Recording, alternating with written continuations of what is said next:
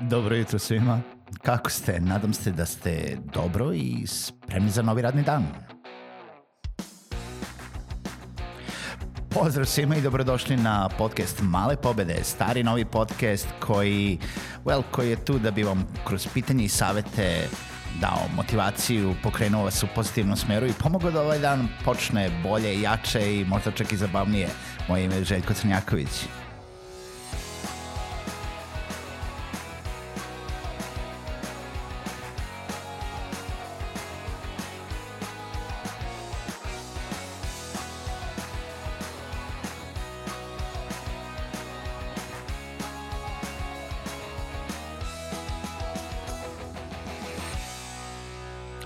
Dobro jutro i dobrodošli u još jednu epizodu Malih pobeda. Danas pričamo o emailu koliko koristite email, kako koristite email, da li koristite email, eh, koliko vam je bitan email, šta mislite o emailu i kako se kako, se ponašate u emailu, u stvari koji vam je bonton što se tiče emaila.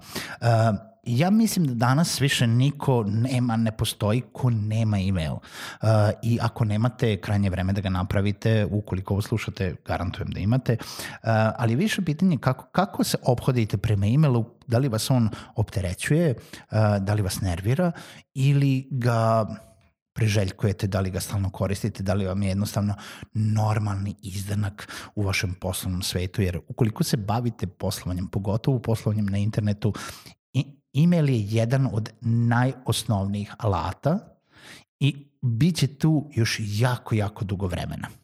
Da, danas se dešava i meni se dešava da neke poslove završimo preko direktne komunikacije, preko četa, preko čak Facebooka, Whatsappa, Vibera, svašta. Mnoge uh, interne komunikacije se prebacuju na neke druge komunikacione kanale kao što je to Slack, kao što su uh, neke uh, Facebook grupe, uh, neki sami servisi za komunikaciju unutar firmi, projekt management alati i tako dalje. Ali email kao email je i dalje primarna forma komunikacije sa klijentima, sa eksternim saradnicima, pa čak i sa internim saradnicima. E, jeste logična stvar da in, u internoj komunikaciji počinjemo da izbegavamo email, zato što email se koristi sad za sve živo i ponekad u internoj komunikaciji koja mora da bude brza, brza, brza, brza, brza uh, i ponekad je dovoljno samo par reči, email dođe više kao, kao neka uh, pa bit, imaćete previše emaila i vaš inbox će biti non stop zakrčen porukama ukoliko uh, kompletnu internu komunikaciju ostavite na emailu. Ali za eksternu komunikaciju email je najbrža i najosnovnija stvar, barem u mom mišljenju.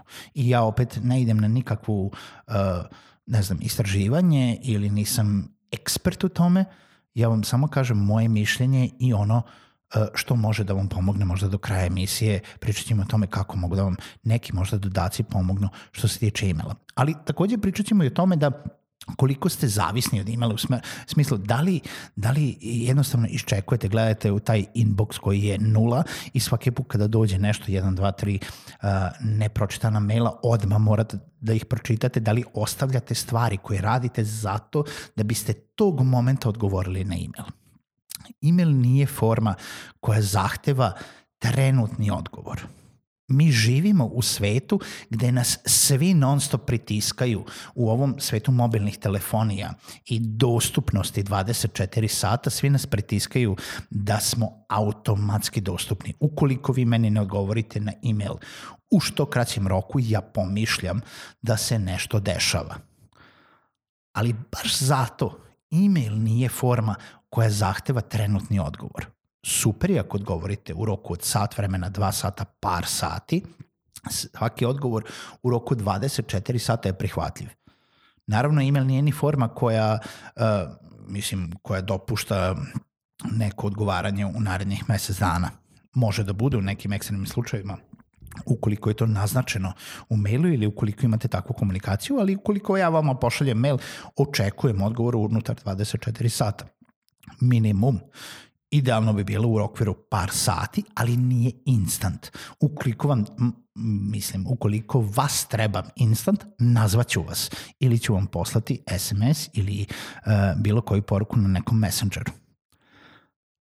Unutar dalje komunikacije, unutar e-maila, molim vas da se potrudite da radite neke stvari, barem po onom uh, nekoj normalnoj profesionalnoj e, etiket ili bontonu što bi mi rekli i da smanjite, to jest da optimizujete vašu komunikaciju unutar maila. Kako to možete da uredite? Možete da uredite tako da ukoliko pišete vi prvi email u naslovu maila, u title, u subject line-u, tačno napišete o čemu se radi o čemu ćete da pričate, da li želite nešto da pitate ili vezano je za, za nešto. Napišite tačno o čemu se radi.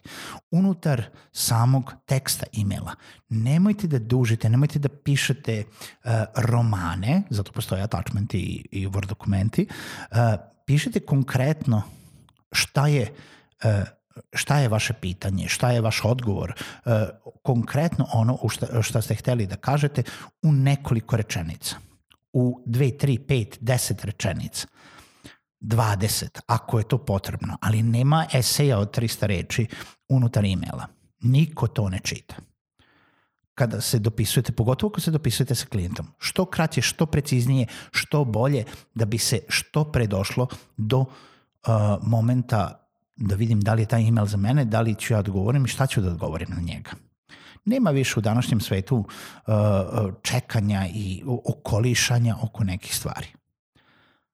Koristite profesionalno izražavanje, nemojte, ono reply all što kažu, ono, ako se pošalje email na milion adresa, pa sad vi uvek kliknete reply all, pitanje je, jako dobro procenite da li sam ja poslao na 10 e, email adresa zato da vas sve obavestim, a vaš pojedinačan odgovor ne zanima ostale u tom krugu, nego samo treba meni da odgovorite. Tako da pazite kada koristite reply all, a kada koristite samo reply.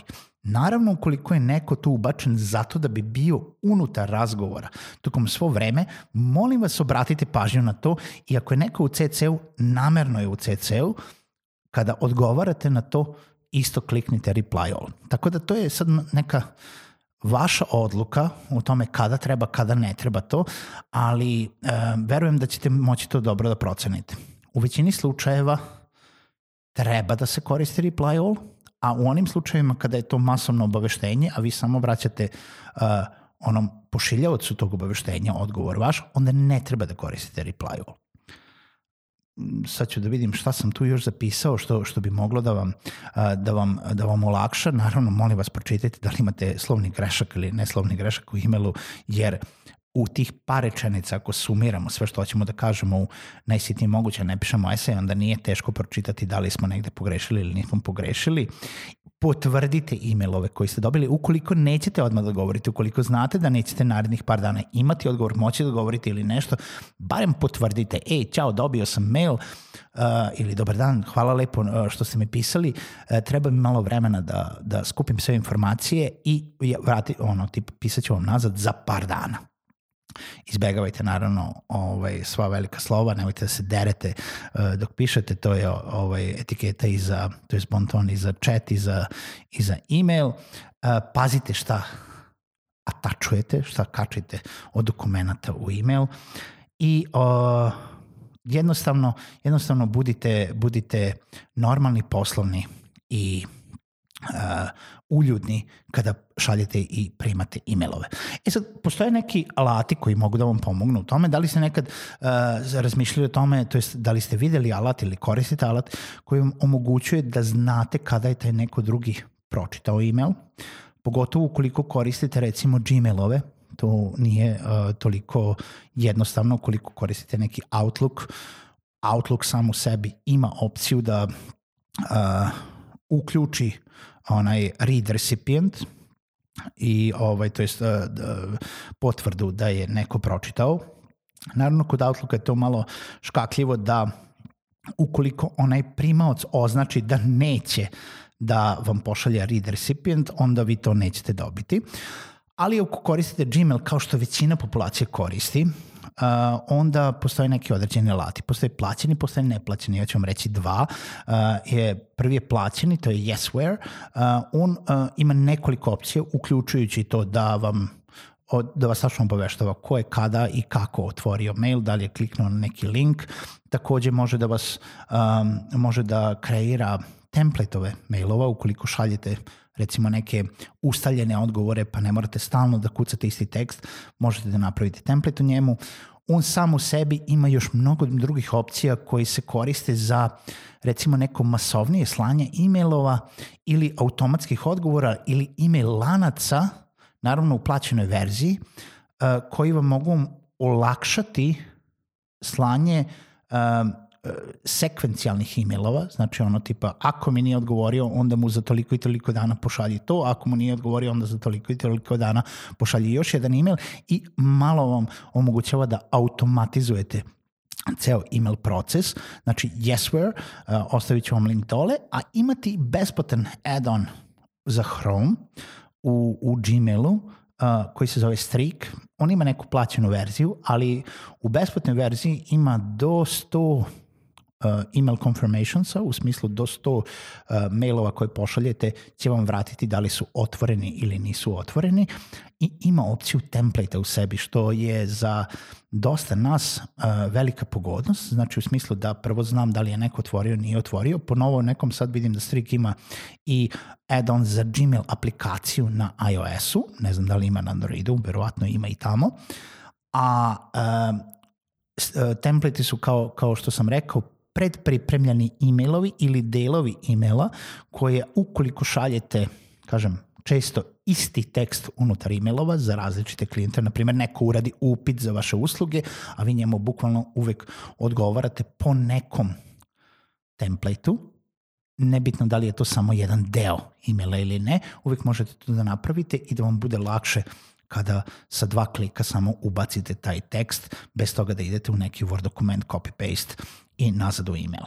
U svakom slučaju to su neki, eto, najosnovnije stvari što se tiče emaila, ima tu još mnogo da se priča, ja ću verovatno praviti još nekoliko epizoda što se tiče a, mailova i, i poslovnih mailova, ali toliko za sada, toliko u ovoj epizodi, otišli smo malo duže, vidimo se i čujemo se u narednoj epizodi.